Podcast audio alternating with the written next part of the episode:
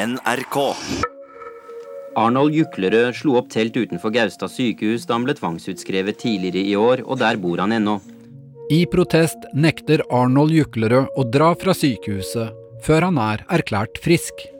Og han har slått seg ned her som en slags flykaprer og, og, og behersker oss med en slags terror og krever sine vilkår oppfylt.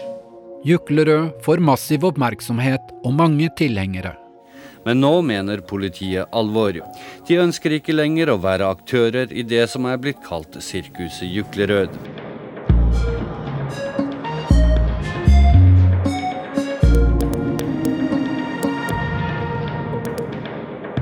Du hører på Diagnose kverulant av Kaja Frøysa. Den andre av tre deler.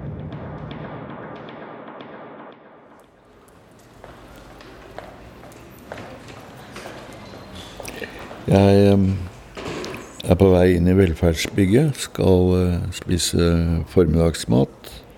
Året er 1974. Forfatter Torvald Steen er pleieassistent og verneombud på Gaustad psykiatriske sykehus. Jeg går opp trappa, og eh, øverst så ser jeg en, flere plakater med voldsomme utfall mot sykehusets direktør og medisinske leder, Nils Retterstøl.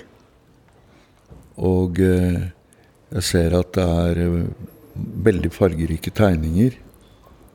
Og det er også skrevet med maskin forskjellige tekster. Det står Nils Uretterstøl. Det legges veldig stor vekt på et mellomnavn han svært lite brukte, nemlig mellomnavnet Adolf. Og det står om tvangsbehandling, om tvangsinnleggelse. Trebarnsfaren Arnold Juklerød er tvangsinnlagt på Gaustad for andre gang med diagnosen kverulant paranoia. Han kjemper en kamp mot psykiatrien fordi han oppfatter seg selv som helt frisk. Og så ser jeg jo også da forfatteren, og han viser seg han er glattkjemmet hår, eh, veldig elegant antrukket, i presset grå bukse, brune sko. Han eh, ser at jeg står der, og han går bort til meg og spør hva syns du om dette? Ja, jeg syns du bruker veldig voldsomme bilder og farger.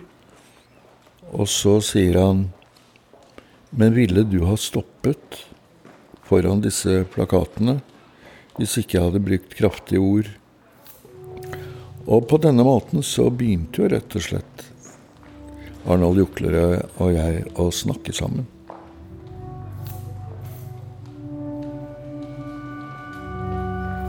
I denne første tiden som tvangsinnlagt er Arnold på åpen avdeling, og han kan komme og gå som han vil. Legene skriver i journalen. For vel et års tid siden begynte han å skrive sjikanøse og delvis truende brev til sin hustru. Hans barn fikk også brev fra ham, med voldsomme angrep på deres mor og intime beskrivelser av deres samliv. Bare øka på med disse brevene. Det var ikke bare brever til oss naboene, men det var jo til alle kommunestyremedlemmene i Kragerø skolestyre, statsministeren kontor. Sønnen Nils Ivar er nå 20 år gammel. Til og med kongen fikk jo disse brevene, ikke sant.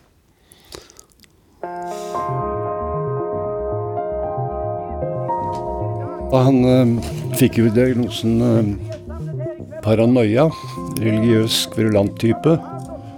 Og gå ut og forkynne at han er verdens frelser. Steinar Lorentzen er en av mange psykiatere som behandler Arnold Juklerød i disse årene. I dag så kaller man jo for uh, vrangforestillingslidelser. Mens paranoia den gangen ble brukt om uh, mer systematiserte vrangforestillinger. Sånn at religiøs paranoia betyr at man beveget seg mye rundt i kristen tro og lære. Det konsentrerer seg ofte om den, den ja, uretten som vedkommende mener seg å ha blitt utsatt for. Da. De gjør alt som står i sin makt for å få den andre i kne og til å såkalt vinne saken. da. Så der kommer kveruleringen inn. At man aldri gir seg? At man ikke gir seg, ja. Etter bare noen ukers opphold mener Gaustad sykehus at juklere kan skrives ut. Vi ønsker at våre sinnslidende personer skal kunne være utenfor institusjon, og ikke innen institusjon. Overlege Nils Retterstøl mener Arnold ikke er så syk at han trenger å være innlagt. Eh, det er jo svært mange med sinnslidelser som da lever utenom sykehus. Arnold krever at legene sletter diagnosen før han drar noe sted. Så etter at han kom inn til sitt andre opphold, så hadde han jo blitt tilbudt å kunne reise. I tillegg har han et annet krav, som er helt umulig for sykehuset å innfri. Han nektet jo da å reise før legene på sykehuset sørget for at hans kone ble tvangsinnlagt. Det var jo ikke noe legene her kunne gjøre noe med, egentlig. Eller hadde noe med. Um, han var der i protest for å tvinge uh, sykehuset til å sørge for at kona hans ble innlagt.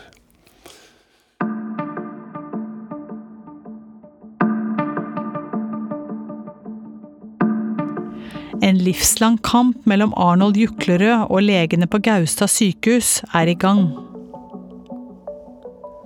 Han er nå utskrevet, men han nekter å forlate området. Han var jo frivillig i sykehuset. Så mm, sykehuset ble jo satt i en litt vanskelig situasjon. At de, de hadde en pasient som egentlig ikke eh, erkjente å ha en pasientstatus.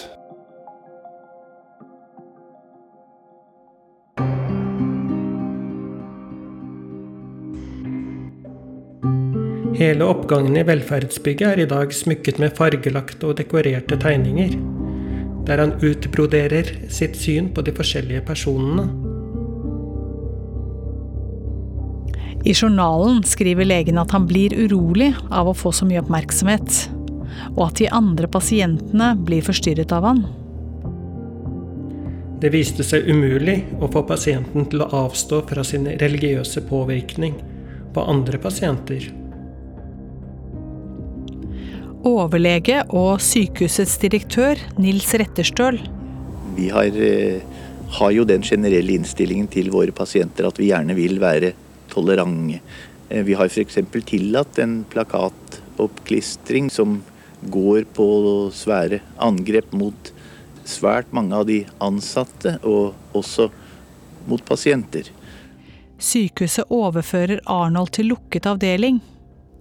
De viser til lov om psykisk helsevern og behov for å beskytte både han og de andre pasientene. Det var en dag jeg kom på avdelingen på visitt. Så kom Juklerød sånn litt spenstig mot meg, så sa han Du, hvis du slår meg fingerkrok, så skal jeg reise fra avdelingen. Og så tenkte jeg at jeg kunne jo være med på den spøken, tenkte jeg. Overlege Steinar Lorentzen. Men uh, da jeg hadde dratt av noen meter bortover uh, gulvet, så så jeg at han var ganske redd og fortvilet, og han la seg bakover og sparket ifra mot uh, dørlista. Og da skjønte jeg at det ikke var noe spøk, så jeg slapp han med en gang.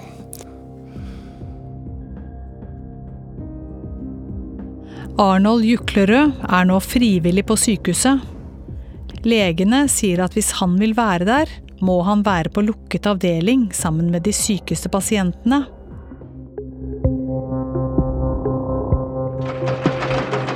Han blir meget oppbrakt over det jeg sier. Kaller meg et krypdyr og djevelens advokat.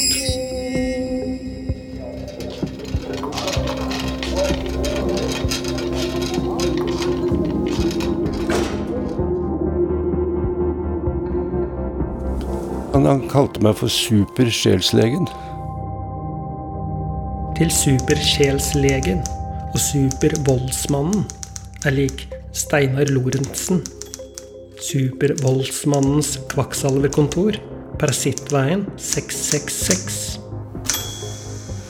Eh, det var vel sannsynligvis eh, ironisk, men jeg, på en måte så følte jeg at det lå litt sånn anerkjennelse i det også. At jeg representerte noe som traff han når vi, når vi møttes og snakket sammen. I brevet til Steinar Lorentzen er Arnold fortvilet over at han ikke får treffe datteren Eva. Brevet ligger i journalen. Det er min plikt og mitt ansvar å kjempe for min lille Eva, som lovløse og fordervete norske myndigheter har frarøvet meg.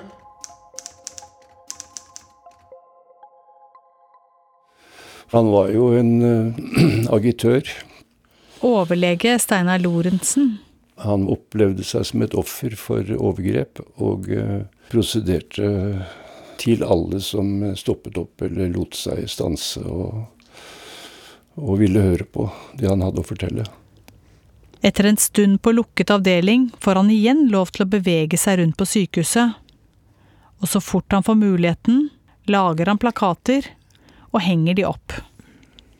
Da han hadde på vanlig måte tapetisert søyler og, og, veggene i storstua, da, altså i velferdsbygget, med disse sjikanøse plakatene sine. Så mens jeg holdt på å ta den så spratt han frem fra bak søylen og kjørte knyttneven under haken på meg. da. Og ville at jeg skulle slippe plakatene. Og når jeg slapp plakatene, så tok han tak i overkroppen min og kastet meg liksom bortover gulvet, så jeg falt bakover. Heldigvis eh, falt jeg ned på en sofa som sto der. Så det var jo litt voldsomt. Hva gjorde du da? Rapporterte du det, eller? Først gikk jeg ned til eh, kontordamen til Retterstøl, og så sydde hun i knappene i skjorta mi. Hun hadde, hadde sytøy. Så jeg fikk sydd i noen rifter og knapper i skjorta mi. Så skrev jeg vel et lite notat i journalen. Nå har sykehuset fått nok av alt oppstyret Arnold Juklerød skaper, og forsøker å få ham vekk. Overlege Bård Brekke. Mannen er skrevet ut fra Gaustad fordi det ble helt uholdbart å beholde ham her. Og han har slått seg ned her som en slags flykaprer og, og, og behersker oss med en slags terror og krever sine vilkår oppfylt. Etter tre år blir han skrevet ut med tvang, selv om han fortsatt har den samme diagnosen. Direktør Nils Retterstøl. Til stadighet så skrives det pasienter ut fra de psykiatriske institusjonene som fortsatt er syke, eh, men hvor vi mener at vårt behandlingstilbud da er oppbrukt, eller at de kan klare seg eh, bedre ute. Arnold blir kjørt tilbake til hjemfylket Telemark. Sykehuset har skaffet en leilighet til han, Juklerød nektet å flytte fordi han ikke fikk noen friskmelding, men ble fjernet og fraktet til sin nye leilighet. Han reiste straks tilbake til sykehusområdet og slo opp telt. Journalistene rapporterer fra Gaustad. Alle hans personlige eiendeler sto plassert i friluft utenfor velferdsbygningen. Der innledet han sultestreik, mens politifolk bevoktet velferdsbygningen. Som jeg sa til direktøren, at jeg er ikke på Gaustad for å bo som en eh, turist i en campingvogn, bortgjemt i en krok. Jeg er her for å kjempe til meg de menneskerettighetene som, som er tatt ifra meg. Og de beslagla eh, absolutt alt jeg hadde, både mobiltelefon, mat. På begynnelsen av 80-tallet er det nesten ingen som har mobiltelefon. Men Arnold Juklerød har skaffet seg en. Til og med inn i jakka og tok ifra meg brillene og, og, og barbemaskin. Hver eneste morgen så tok de ifra meg soveposen og madrass. Så måtte jeg skaffe meg nytt opp den neste kveld. Så tar jeg og setter meg i den campingstolen midt uh, mellom de to dørene. Så bretter jeg soveposene fast. Hvis de går på meg nå og vil dra med posen, så skal de få jobb, for jeg setter dem fast.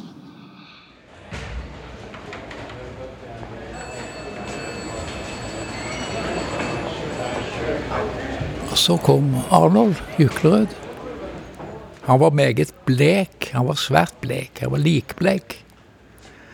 Og preget av å ha levd innendørs lenge.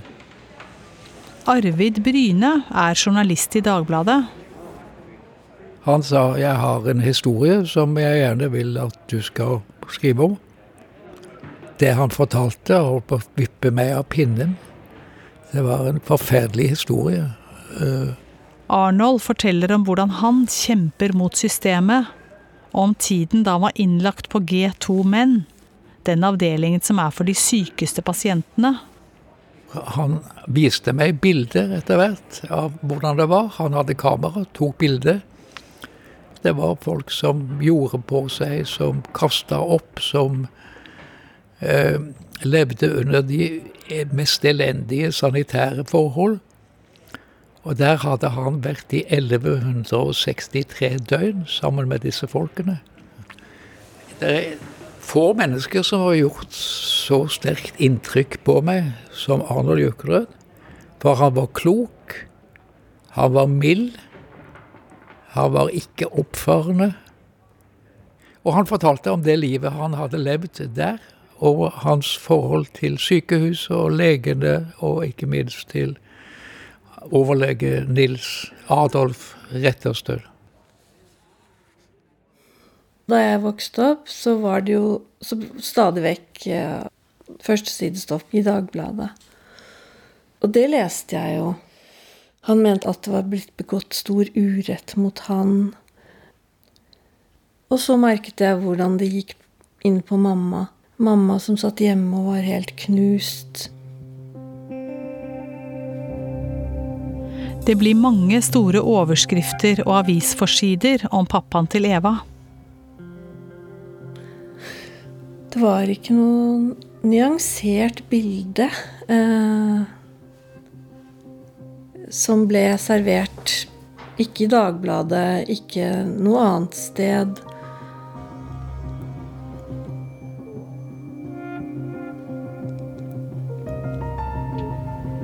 Han sa at det har vært sprengning i spas og sprengt mange vanskelige fjell. Men den oppgaven jeg har foran meg nå, i kampen mot psykiatrien, er den vanskeligste og farligste av alle.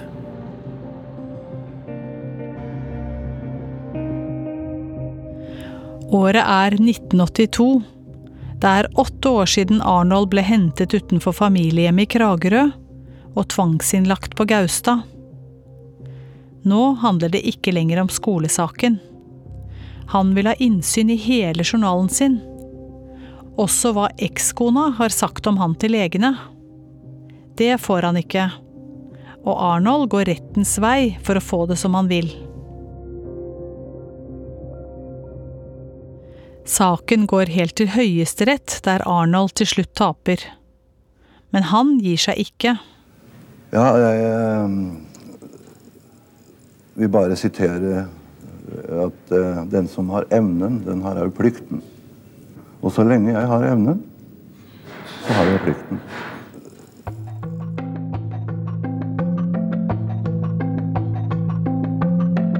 Arnold Juklerød får stadig mer oppmerksomhet i mediene, både i Norge og i utlandet.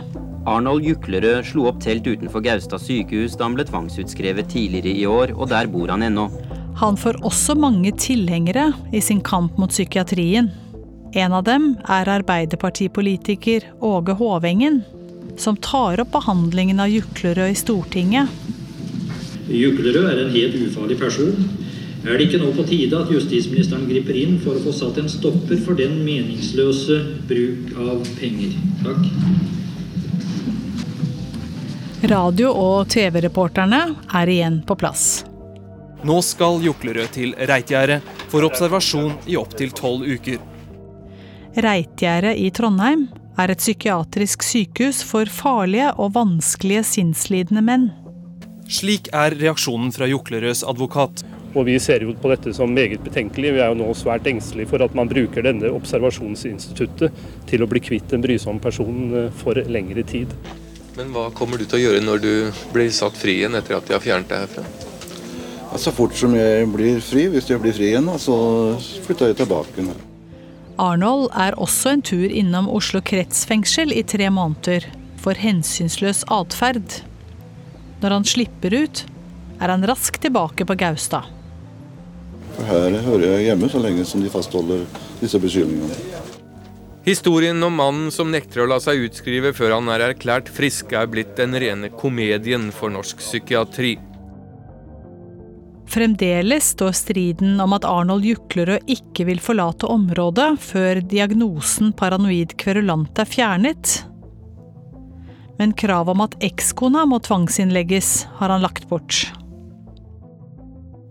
I dag skulle han altså kastes ut, og først kom flyttebilen, senere kom politiet. Arnold blir hentet av politiet seks ganger. Hver gang med mange journalister og tilhengere til stede. Trekk unna.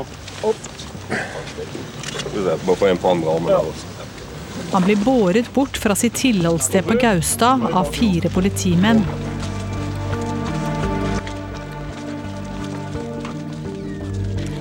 Noen reagerer vel når vi inviterer en mann i studio som har diagnosen farlig synssyk. Er du farlig? Altså, det har jo bevist seg at jeg ikke Så det er jo åpenbar løgn.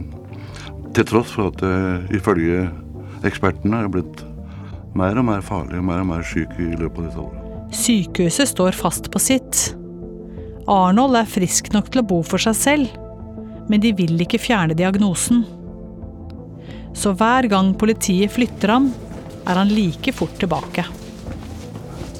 Denne gangen forlangte Arnold Juklerød å få drikke kaffekoppen ut før han for hvem vet hvilken gang ble fraktet bort fra velferdsbygget på Gaustad. Mest Men nå mener politiet alvor. De ønsker ikke lenger å være aktører i det som er blitt kalt Sirkuset Juklerød. Lenger bort.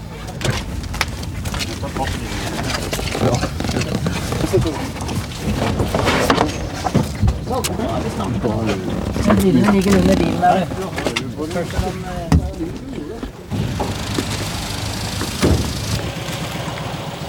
Nå kjører vi.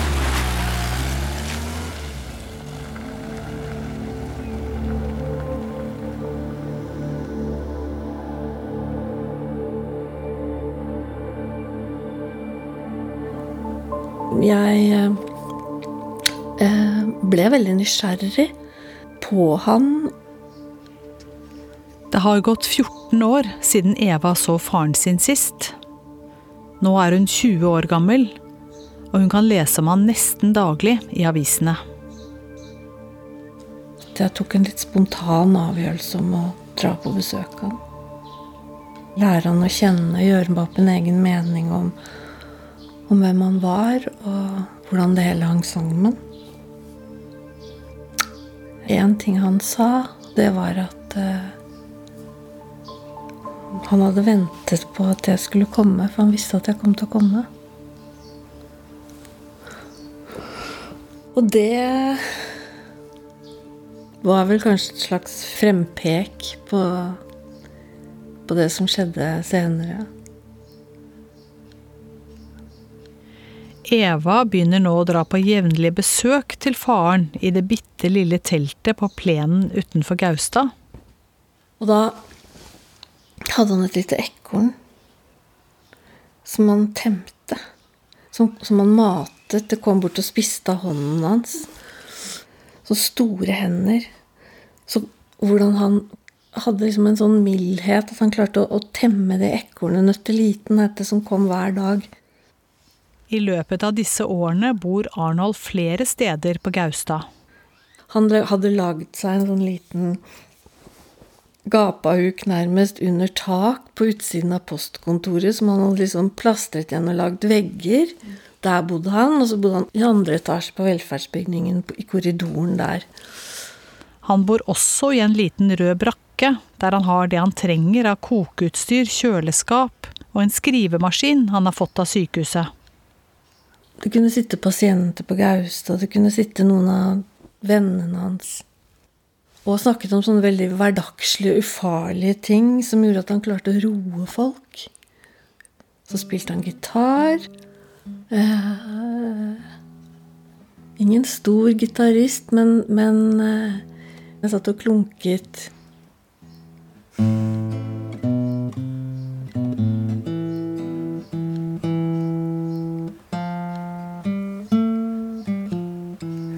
Han oppførte seg veldig som en sånn god vert når man kom. Og sørget for at du fikk mat og kaffe, og folk liksom fikk roet seg og landet.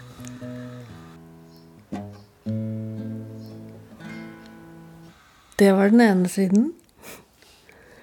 Og så var den andre siden at da handlet det alltid om saken. Det var det som var temaet. Det nyeste som hadde skjedd. Og han hadde hele regien.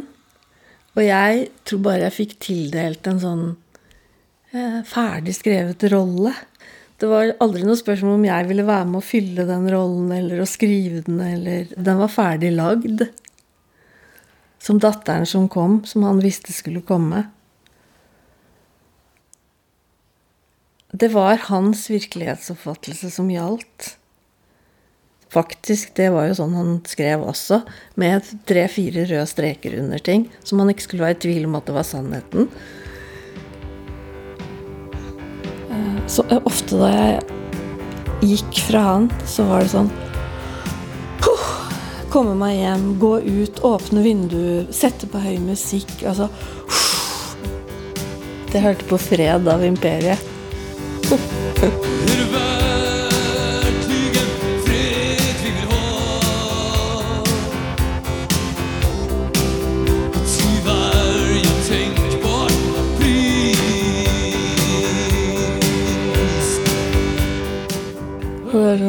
det virkelig freden jeg vil ha til verje tenkbar pris? For på bøyde knen og med huet lågt ta imot den sterkes fred. For at det skulle være fred mellom han og meg, så måtte jeg bøye hodet. Det var det jeg ikke ville.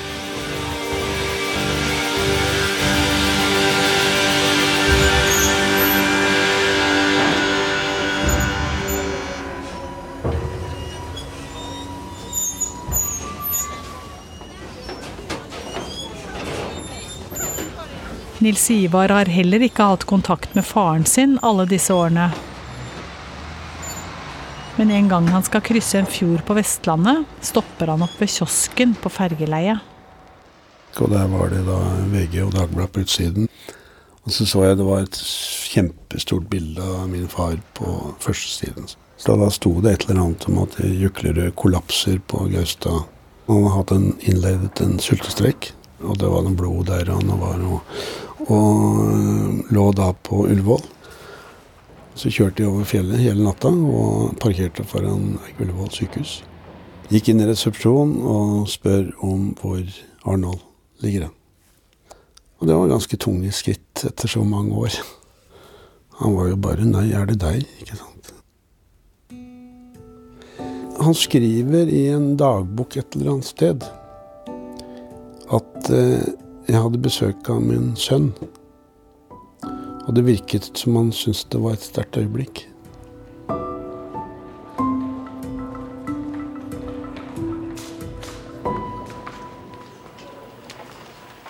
I 1987 går Arnold Juklerød til retten nok en gang. Jeg ser det som uhyre samfunnsmessig viktig og verdifullt at uh, de forskjellige rettsinstanser blir pressa fram til å vise sitt rette ansikt.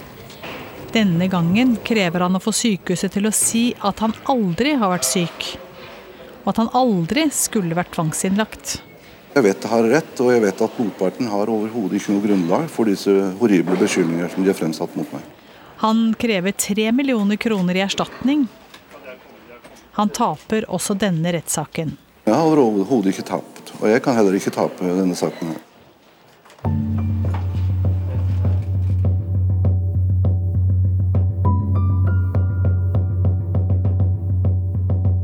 Gaustad, det er jo liksom sånn bilde fra sunnen tid med, med gitter for veggene og ikke sant? Det var jo det vi hadde vokst opp med. altså sånn Sinnssykehus. Du skulle holde god avstand, for da var det mye gærninger.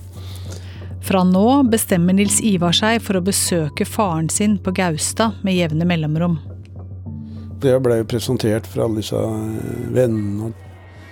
Det var jo full fest. ikke sant? Da var det jo trekkspill og vaffelsteking og gitar. Og, å ja, du har skjønt Arne. Ja, men så hyggelig. Håper du støtter og hjelper opp.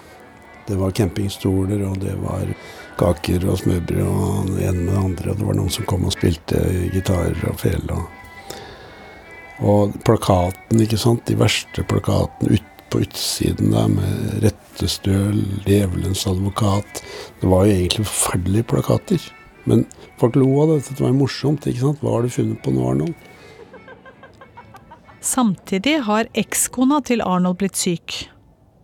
Hun har fått en alvorlig tidlig demensdiagnose. Så så jeg moren min satt på geriatrisk avdeling i Kragerø sykehus, eh, full av angst og helt ute av stand til å tenke sjøl. Det er gode og dårlige perioder i forholdet mellom Arnold og barna i disse årene. Jeg hadde liksom ikke gitt opp helt prosjekt far-datter ennå. Jeg tenkte at vi må bare gjøre det på en annen måte. Så når Eva får sitt første barn, bestemmer hun seg for å ta med seg den lille datteren sin på Gaustad. Han var verdens beste bestefar. Han var så oppslukt, han var så til stede. Han med de store hendene som satt og lagde et dukkehus til datteren min med små møbler som han snekret og limte, og han fylte veldig stor del av livene våre på den tiden der. Og det var jo masse som skjedde med han. Han ble jo båret hit og dit og kastet ut og kom tilbake og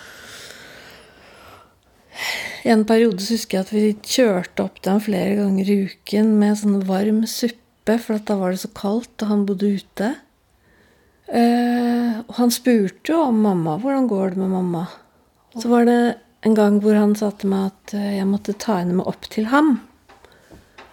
Og hun var da så dement at hun faktisk hadde sluttet å snakke. Hun, hun, hun hadde ikke språk. Hun reagerte nærmest ikke på lyd og lys. Han mente at hvis hun kom til han og innrømmet alle sine synder, og da ville han selvfølgelig sikkert være så raus at han ville gi henne synsforlatelse, hvis hun først hadde gjort det, da ville hun bli helbredet og frisk. Men det er helt uaktuelt for Eva å ta med moren til Gaustad. Og det skjønte han ikke. Hun ble ikke sinna på deg? Nei, ikke der og da. Eva fortsetter likevel å besøke faren sin sammen med familien. Helt til hun venter barn nummer to i 1995. For så skjer da det at eh, jeg er høygravid to uker før termin. Eh, jeg er alene, har kjørt eh, datteren min i barnehagen og er på en måte oppe ved Gaustad. Da bodde han i brakka. Og så sier han til meg Jeg har tenkt på en ting. Du kan ikke fortsette å ri på to hester. Du kan ikke både støtte mamma og meg. Og så sier jeg jeg rir helt fint på de to hestene, jeg. Ja. Og så sier han at uh, hvis jeg fortsetter å gjøre det, støtte både henne og han, uh, så ser han for seg hvordan jeg kommer til å ri rett utfor stupet og falle ned i avgrunnen og ta alle mine med meg. Så det var en slags sånn der forbannelse, altså. At jeg kom til å liksom ta med meg alle mine til helvete. Det kom til å gå til helvete med alle, ikke bare meg, men alle mine barn og alt.